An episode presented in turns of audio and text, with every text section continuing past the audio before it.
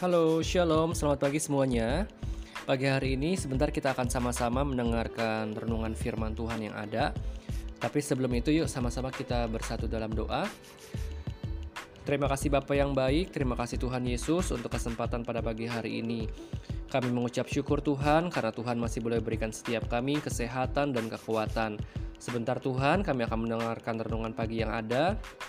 Tuhan tolong berikan kami hikmat, Berikan kami pengertian sehingga kami boleh mendengar setiap renungan yang ada ini dengan baik dan biarlah setiap firman Tuhan yang kami boleh dengar itu tidak berlalu begitu saja tetapi boleh tertanam, berakar, bertumbuh, bahkan berbuah untuk hormat kemuliaan bagi nama Tuhan.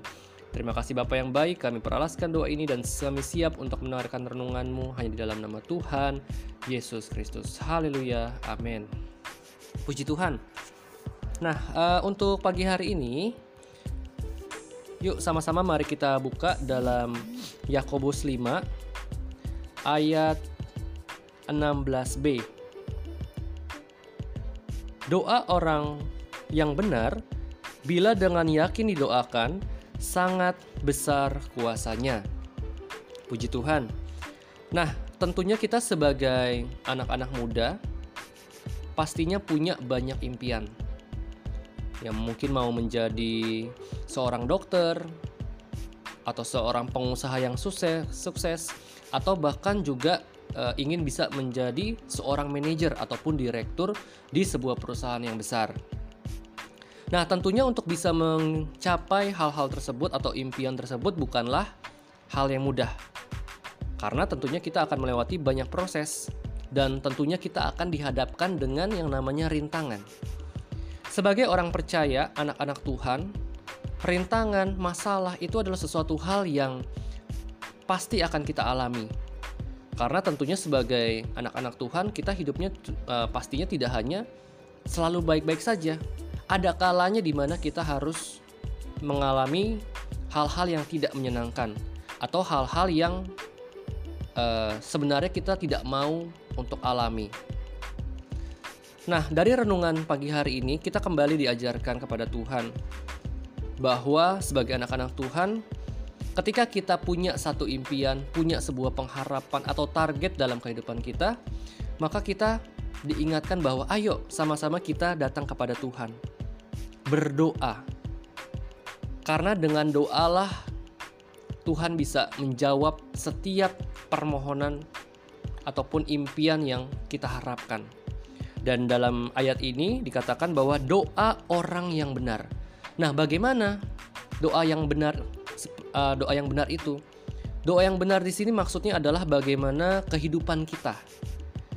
Apakah kehidupan kita sudah selaras dengan Tuhan? Mungkin kita sudah berdoa sampai bertahun-tahun, tapi doa kita belum dijawab oleh Tuhan. Nah, mungkin kita harus coba untuk introspeksi kembali diri kita. Apakah kehidupan kita sudah layak, sudah sesuai dengan firman Tuhan atau belum? Karena di sini jelas dikatakan bahwa doa orang yang benar. Tentunya Tuhan berkenan kepada setiap doa-doa yang dipanjatkan dari orang-orang yang setia. Orang-orang yang dengan sungguh-sungguh mau memberikan yang terbaik buat Tuhan Yesus. Yuk teman-teman, jadi Pagi hari ini kita coba introspeksi diri kita lagi. Apakah hidup kita sudah berkenan di hadapan Tuhan? Apakah hidup kita sudah sesuai dengan firman Tuhan atau belum? Jika belum, yuk kita juga sama-sama kembali kepada Tuhan. Kita minta ampun kepada Tuhan. Saya percaya ketika kita mau untuk datang kepada Tuhan, meminta ampun kepada Tuhan, Tuhan pasti akan memaafkan kita. Ketika kita sudah meminta maaf, bertobat, tentunya hidup kita pun juga harus berubah karena tanpa ada perubahan itu akan menjadi sia-sia. Nah, ketika kita sudah hidup sesuai dengan kebenaran firman Tuhan, lalu kita berdoa dengan sungguh-sungguh, ya kita yakin, percaya bahwa Tuhan pasti akan menggenapi setiap janji-janjinya. Tuhan pasti akan menjawab setiap permohonan doa kita, impian kita dengan caranya yang terbaik. Memang Tuhan punya cara yang berbeda-beda untuk kita, tapi endingnya teman-teman, kita harus yakin bahwa Tuhan tahu yang terbaik untuk hidup kita. Jadi saat ini saya mungkin tidak tahu apa yang teman-teman saat ini sedang hadapi. Tapi satu hal yang saya mau sama-sama bagikan, ayo teman-teman, kita datang sama Tuhan. Kita berdoa, kita yakin, kita harus punya iman yang besar bahwa Tuhan pasti akan menolong kita. Dan juga kita harus berbuat sesuai dengan firman Tuhan dalam setiap kehidupan kita. Puji Tuhan, biarlah renungan pada pagi hari ini, renungan singkat, tapi boleh mengingatkan kita semua, boleh kembali menyadarkan bagaimana kita sebagai anak-anak Tuhan harus hidup sesuai dengan kebenaran firman Tuhan. Sebentar kita akan sama-sama berdoa. Mari kita satukan hati kita. Terima kasih Bapak yang baik, terima kasih Tuhan Yesus buat renungan yang kami boleh sama-sama dengar. Biarlah Tuhan yang boleh menolong setiap kami ya Bapak.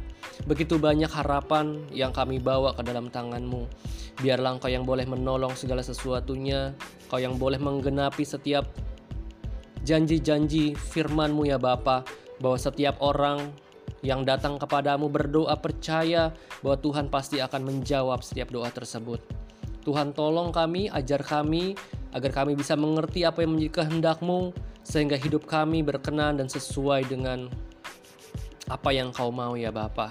Bapak yang baik saat pagi hari ini, jikalau mungkin ada di antara kami yang sedang mencari pekerjaan, Tuhan tolong, Tuhan berikan jalan agar kami bisa mendapatkan pekerjaan. Jikalau ada teman kami Tuhan yang saat ini sedang mengalami sakit, Tuhan jama, Tuhan berkati. Kami percaya Tuhan akan sembuhkan. Jikalau kami juga punya masalah dalam keluarga, di sekolah, pekerjaan, apa pun Tuhan yang kami rindukan, Tuhan akan jawab dan Tuhan pasti akan tolong dan berkati.